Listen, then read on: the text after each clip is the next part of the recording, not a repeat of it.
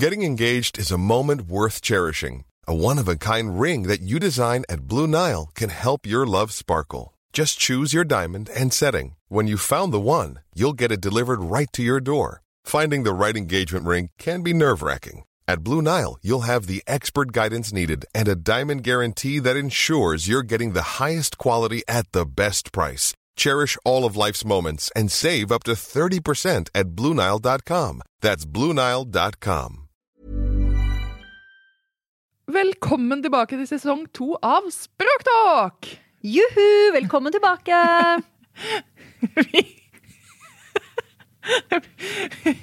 Helene Uri og Kristin Storisten, sesong to. I dag skal vi snakke om glede. Var det, var det litt mye? Skal vi ikke snakke om glede? Nei, det skal vi ikke. Vi skal snakke om glede. Språkglede.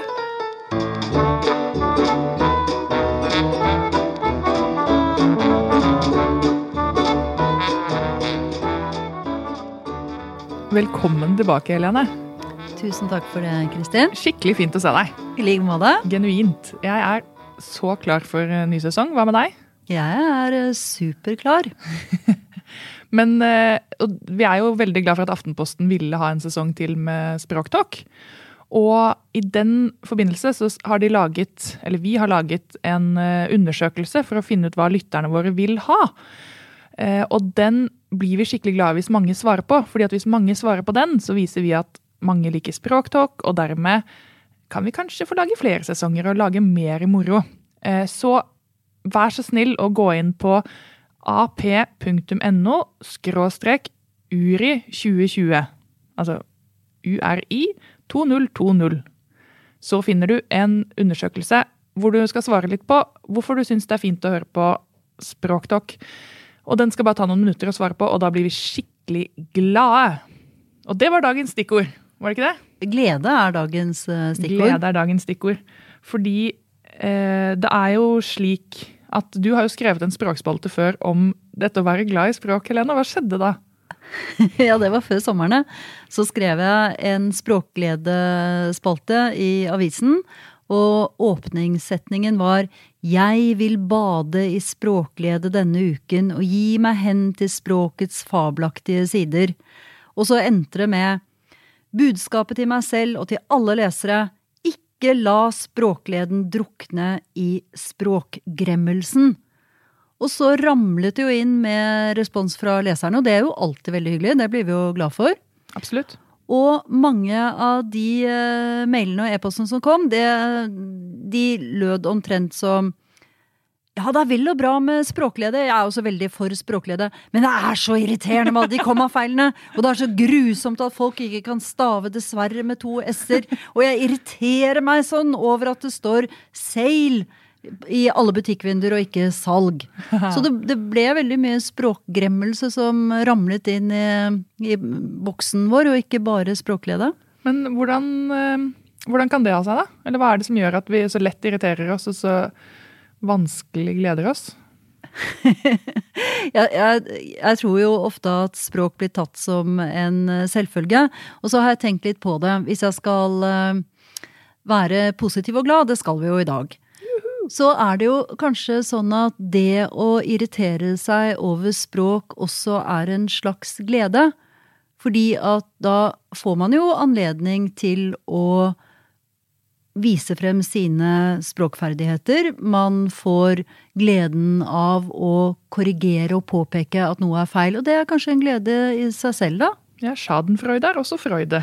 Schadenfreude er også en freude, det er sant. Nei, men eh, det må jo være lov å irritere seg, men i dag skal vi fokusere på det glade. Og det, en som har gjort det veldig fint, det er i den nye boken eh, av Anne Sverdrup Tygeson. Hun er biolog og har skrevet en bok som heter På naturens skuldre. Og i forordet hennes så sto det så fint. Jeg tenkte jeg skulle lese litt, et lite utdrag fra det.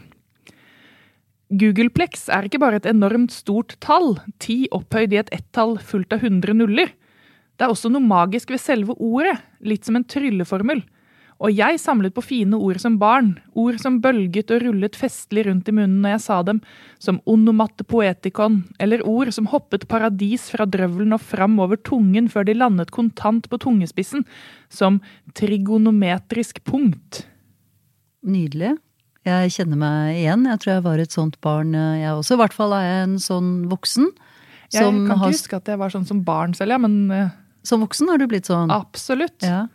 Og vi er jo ikke de eneste som uh, er belastet på den måten. Fordi da vi skrev på Facebook at vi skulle lage sesong to på Facebook-profilene våre, så spurte vi om det var noen ord som gjorde folk glade. Skal jeg bare lese litt av hvilke ord som folk ble glade av, Helene? Ja, få høre. Skal vi høre om det gjør deg glad også. Saft suse. Uunnværlig. Vidunderlig. Herliga London. Vriompeis. Durkdreven. Viderverdigheter. Hensiktsmessig. Innfløkt.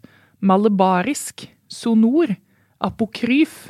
Og så har jeg slengt på høyesterettsjustitiarius, for det er jeg veldig glad i.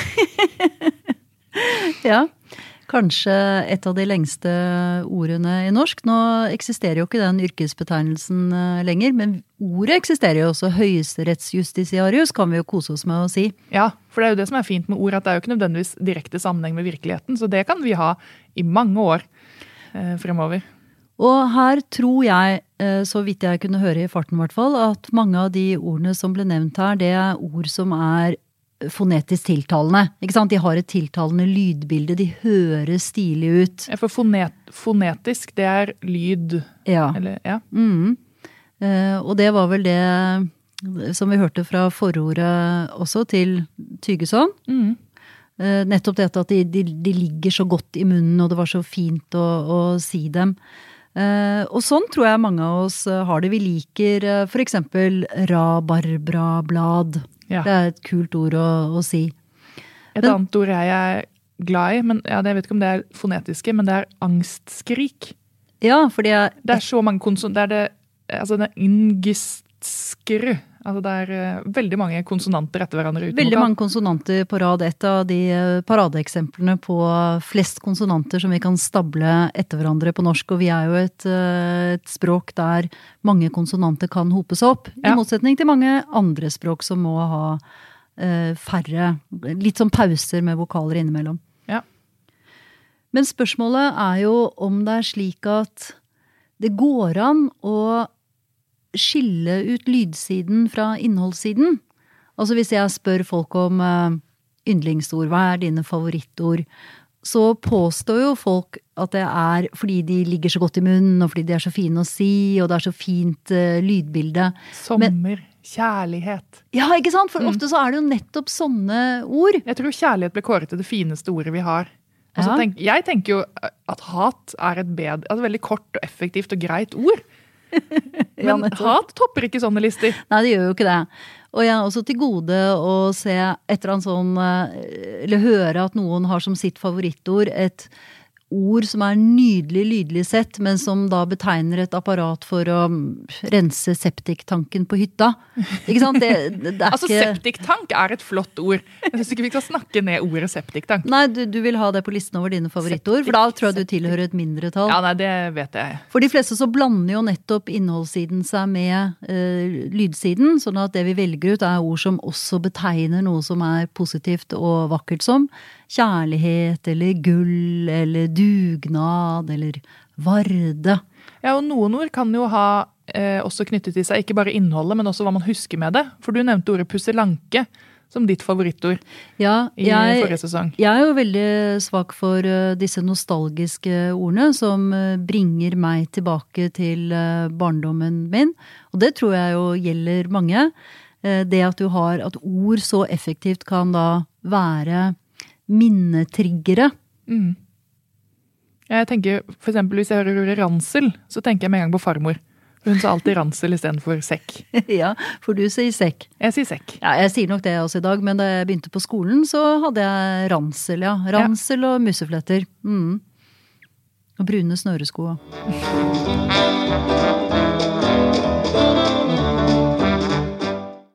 I forrige sesong så snakket vi om familieord, og det er også noe som kan gjøre folk veldig glade. Jo, hvis det er noen som ikke har hørt den episoden, så går det an å gå tilbake og høre. For det er jo da At kanskje et barn har sagt noe feil for lenge siden, og så etablerer det seg. Nå leste jeg akkurat en bok om bonusfamilier, hvor slike ord kan vandre eh, fra da den ene steforelderen til den andre, til de som ikke engang kjente. Og det er jo noe morsomt og fint med slike arveord. Familieinterne ord eller arvede ord, ja, det, det gir meg språkglede. Ja. Det syns jeg er eh, Det er både nostalgisk og det, det fremkaller hele den uh, familieatmosfæren og hyggen hjemme, og vi husker tilbake da barna var små og alt mulig. Og Titilla, Tåtilla, Tillaros og Meglerfrue og Storegubben Hesten. Er det samme Omtrent regle den samme som jeg har. Ja. Mm. ja. Og jeg satt og så på eh, Når støvet har lagt seg, denne danske serien som ligger ute på NRK. Og etter et kortspill så takket da eh, en av kortspillerne den andre ved å si takk for godt snyteri. Hæ? Ja. Eller det var det det var oversatt til på norsk, da. Det Takk sa vi alltid, ja, alltid i min familie. Når man var ferdig med et kortspill, så var det sånn takk for godt snyteri. Hva betyr det egentlig, snyteri? Altså lureri. Ja, så det er en sånn spøk. En, ja. antyder at her har vi, her har vi jukset i, i kort. Takk for godt snyteri. Men dette var familieinterne ord, eller arvede ord, da, som vi har døpt dem. eh, Slekt og lekt. Slekt og lekt, det var ditt ord, Jan. Mm. Det gjør meg også glad.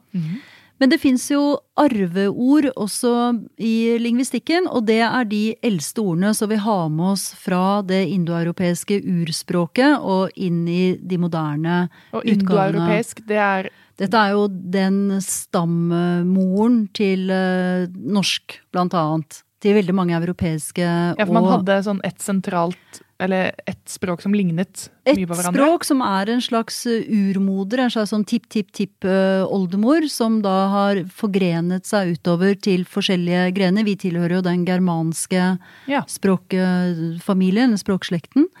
Eh, og, men alt, alt stammer da fra dette denne indoeuropeiske språkformen som vi ikke helt vet hvor ble snakket, og, eller hvem som snakket den.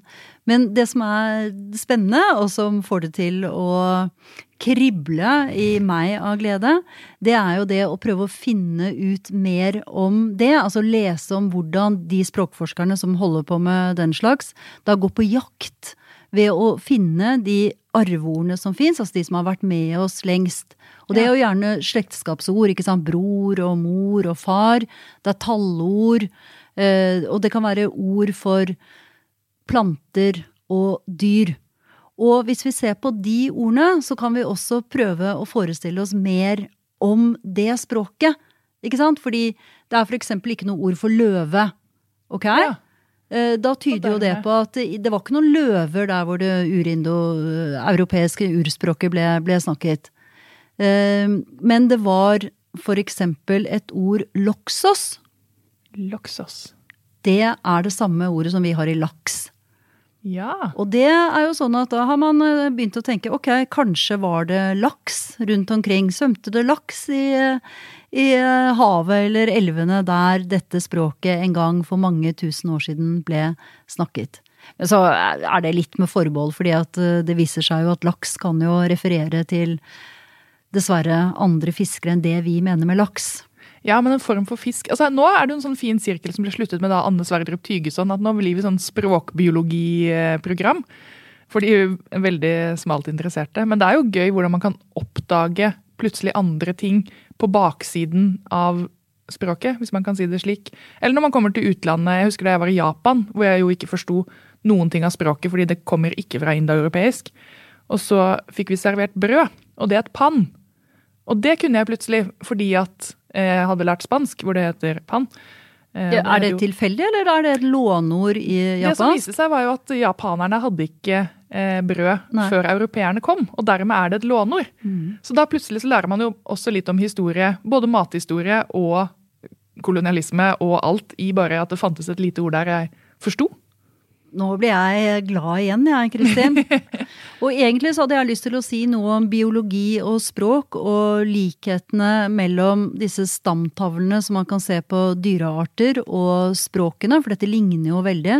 Det at tysk og norsk er eh, likere enn eksempel norsk og iransk, som også er persisk, som også er et, eh, et indoeuropeisk språk. Fordi at både norsk og tysk da stammer fra en felles, et felles språk som skilte lag senere. Akkurat som katt Barnebarnet til ja, litt sånn. Akkurat som katt og løve. Begge er kattedyr fordi de stammer fra da et felles eh, urkattedyr. Ja, det er at vi er kusiner med tysk, og så er vi kanskje sånn åttemenninger med, med persisk. Noe sånn. Og det morsomme er jo at man oppdager kanskje de likhetene og forskjellene i det man skal møte et annet språk. En venninne av meg som nå har flyttet til Belgia for å jobbe, hun sa at hun ikke har tenkt over det før, hvor mange metaforer vi har på norsk som stammer fra sjøen. Dette med skjær i sjøen og, og sånne ting. Og det tenker man jo ikke over før man treffer den, når man skal oversette eller man skal møte et annet språk. Ja, det er sant. Da kan du hilse venninnen din og si at eh, veldig mange av de maritime uttrykkene vi har i norsk, har vi jo lånt nettopp fra nederlandsk. Så det er bare et nabohopp.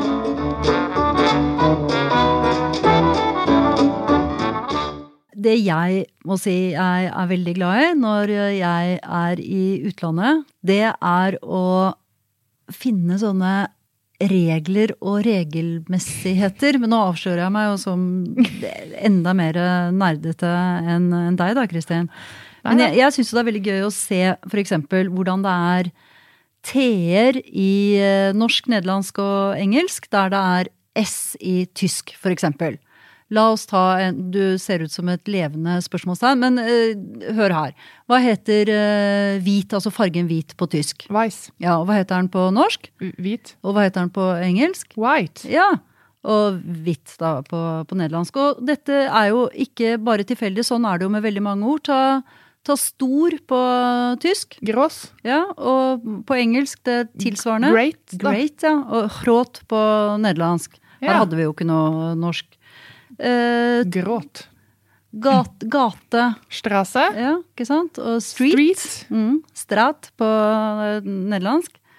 Uh, og sånne ting, det elsker jeg. Men hvorfor er det en. S der og på tysk? Hvorfor er de så glad i S?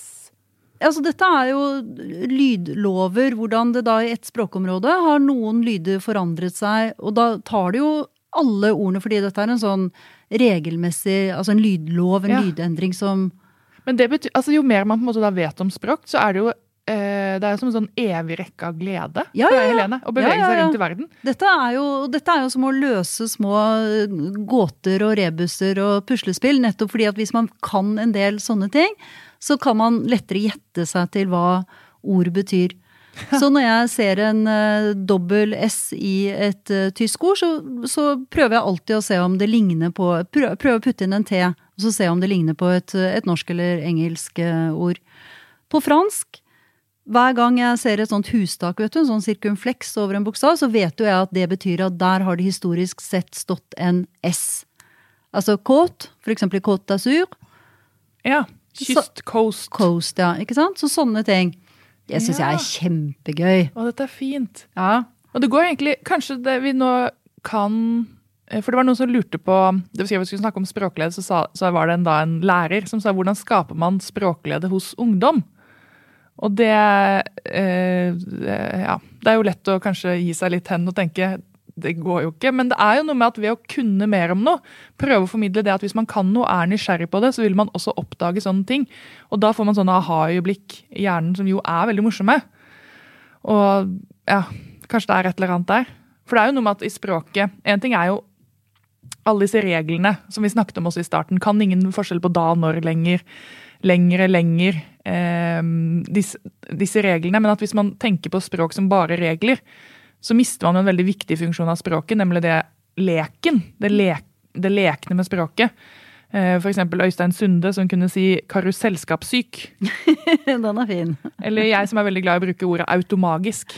Ja, det har du, den har du tatt opp før. Den liker Ja. jeg også veldig, veldig godt. Å beskrive det å kunne bruke språket i enhver funksjon og, og plukke det fra hverandre og sette det sammen på nye måter. Og det er jo helt fantastisk hva vi kan gjøre. Det er klart det er helt uh, fantastisk. Og det er vel derfor man blir så glad kanskje også. Det er vel en av de mange gledene som eh, språk uh, gir oss. Eh, Hva er ditt forhold til sånne tungekrøllere? krøllere? Sånn rips, ips, Ibsens ripsbusker og andre buskevekster. Ja, mm. Ja, nei, jeg synes det er veldig gøy. Veggpapp, tapet. Ja, men Hvis du legger inn tapet, så blir det lettere.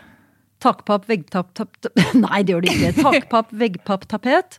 Takpapp, veggpapp, tapet. Takpapp, veggpapp, tapet. Takpapp, Nettopp, veggpapp, det var ikke lettere. Takpapp, Voksen bokser, vasker bukser. Voksen bokser. Mm. Ja, Som en eh, Ja, kanskje kjempe. mer det, kanskje enn bokser, ja. For de pleier jo ikke å vaske så mye, de, den hunderasen. Voksen bokser Å ja, så selvfølgelig. Voksen bokser vasker Bukser. bukser. Voksen bokser vasker bukser. Voksen bokser vasker bukser. Nei. Eh, det er så digg at vi er i gang igjen med sesong, med sesong to. Fy søren. Ehm, jeg tror vi har nok å snakke om eh, fremover. Vil du komme tilbake, Helene? Jeg vil komme tilbake, og da vil jeg snakke om eh, en av mine språkleder, nemlig spunnerismer. Spunnerismer. Ok, Skal vi la den henge der? Vi lar den henge der. Til dere andre så kan vi jo si at vi blir skikkelig glad hvis dere gir oss stjerner og sånn, eller forteller om oss til noen venner, eller eh, sier hyggelige ting til oss, eller sender blomster og sjokolade. Det blir vi fortsatt glad for. Ja. Og så var det den der undersøkelsen som ligger på ap.no skråstrek uri 2020. Eh, godt svar, da. Uri fremdeles. Vi snakkes. Vi høres. Vi tåkes. Hva er det vi har pleid å si? Vi tåkes!